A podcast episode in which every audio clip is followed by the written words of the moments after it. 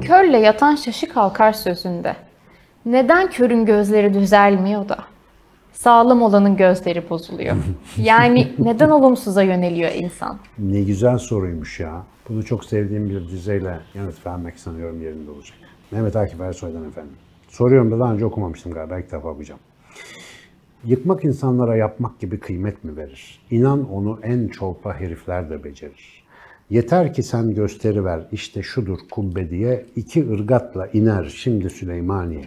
Ama gel kaldıralım dendi mi heyhat o zaman bir Süleyman daha lazım yeniden bir de Sinan. Burası benim. Şimdi Mehmet Akif Ersoy bu şiirinde, bu bölümde yıkmanın ne kadar kolay, yapmanın ne kadar zor olduğunun altını çizmiş ve insana kıymet veren şeyin aslında yapmak olduğunu çünkü emek yoğun olan kısmın orası olduğuna bize güzel veciz bir şekilde vurgu yapmış. Ve aynı zamanda da tabii Süleymaniye gibi bir şey inşa edebilmek için Süleyman Şah gibi bir işte siyasi otorite, bir erk ve bir Mimar Sinan gibi bir dehanın olması gerektiğini falan altını çizmiş. Körlen yatan şaşı kalkar, kıratın yanında kalan ya huyundan ya suyundan, üzüm üzüme baka baka kararır sözleri aslında birbirimizle etkilenme biçimlerimize dair veciz bir bilgelik taşıyor. Sağlam olan gözün körlüğü düzeltememesinin sebebi bir kere körlük var olan bir yeteneğin yitirilmişlik hali. Yani orada bir zaten bir kayıp var ve o kaybı onarmak mümkün değil birincisi. Ama hadi bu diyeceksiniz atasözü onarı versek de olmaz mı? Ama burada hasara neden olmuş bir hüsranın ki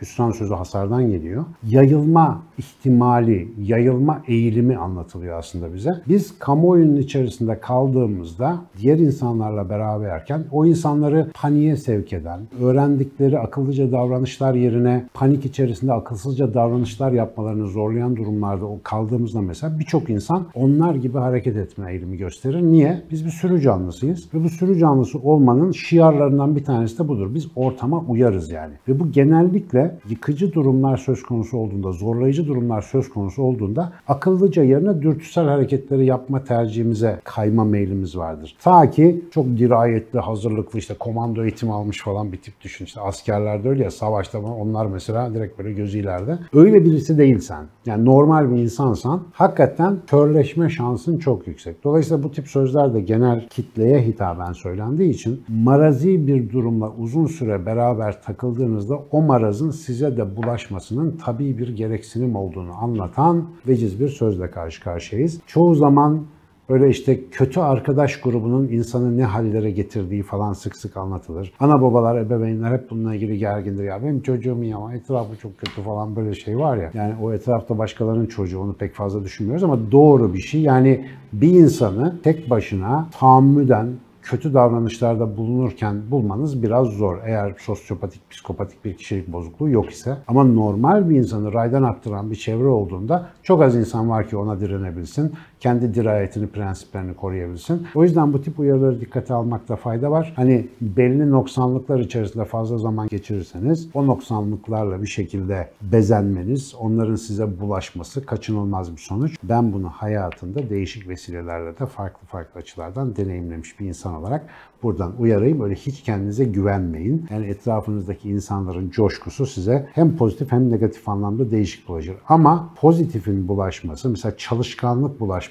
daha zordur. Daha zaman alır. Mesela dirayetli, prensipli, çalışkan, başarılı falan bir insanın yanında ona uymak isteyebilirsiniz. Ya da öyle bir grup içerisinde olmak size iyi gelebilir ama onu sürdürmek gerçekten bir enerji, bir motivasyon, bir metanet ister. Bu da her zaman bizde bulunamayabilen bir şey. Ama biz daha kolay yayarız. Dağıtıcı unsurlara, kötücül taraflara, tembelliğe, biraz cehalete bir meylimiz vardır ve o tarafa doğru kaymamamız için de böyle kadimden ufak ufak uyarılar gelir ama çok güzel yakalamış arkadaşımız. Tebrik ediyorum soru için. Cehalet dediniz.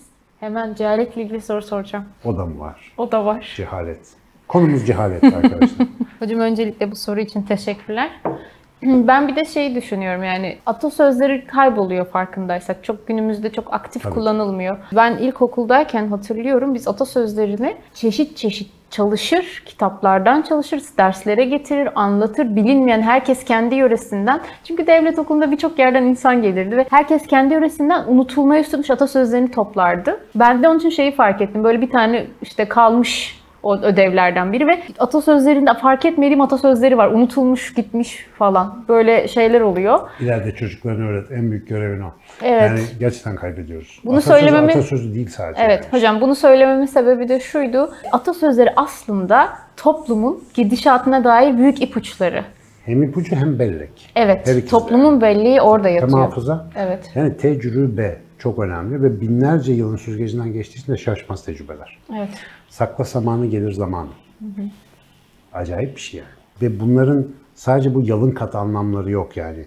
İşte her koyun kendi bacağından asılır. Çok, Mesela evet. işte bencilce bir söz değildir değil. yani. Kişisel sorumluluğa vurgu yapan falan. Hani bunlar mesela çok bildiğimiz şeyler ama bir de aynı zamanda bizim sevgili Güneşin'le Buğday Derneği'yle falan toparlamayı sevdiğimiz bu deyişler var işte. Sakın April'in beşinden öküzü ayırır eşinden gibi mevsimlere dair, e, ekim dikim zamanlarına dair, yaşamdaki bilgeliğe dair birçok bilgi paketi var böyle aktarılan değişler şeklinde. Çoğu değişin ne anlama geldiğini bugün çözmek zor ama kendi zamanlı bağlamı ve onu kullanan halklar, topluluklar içerisinde baktığınız zaman bugün bunlar hala bilgi kaynağı yani. insanlar fiziksel olarak besin yetiştirirken bu bilgileri kullanıyorlar. Yani ziraat mühendisliği eğitimi almıyorlar da bunlarla yapıyorlar. Aynı şekilde atasözleri de bize yaşam bilgisi taşıyor yani. Hocam, Unutursak kötü. Ve yeniden keşfetmemiz lazım her şeyi.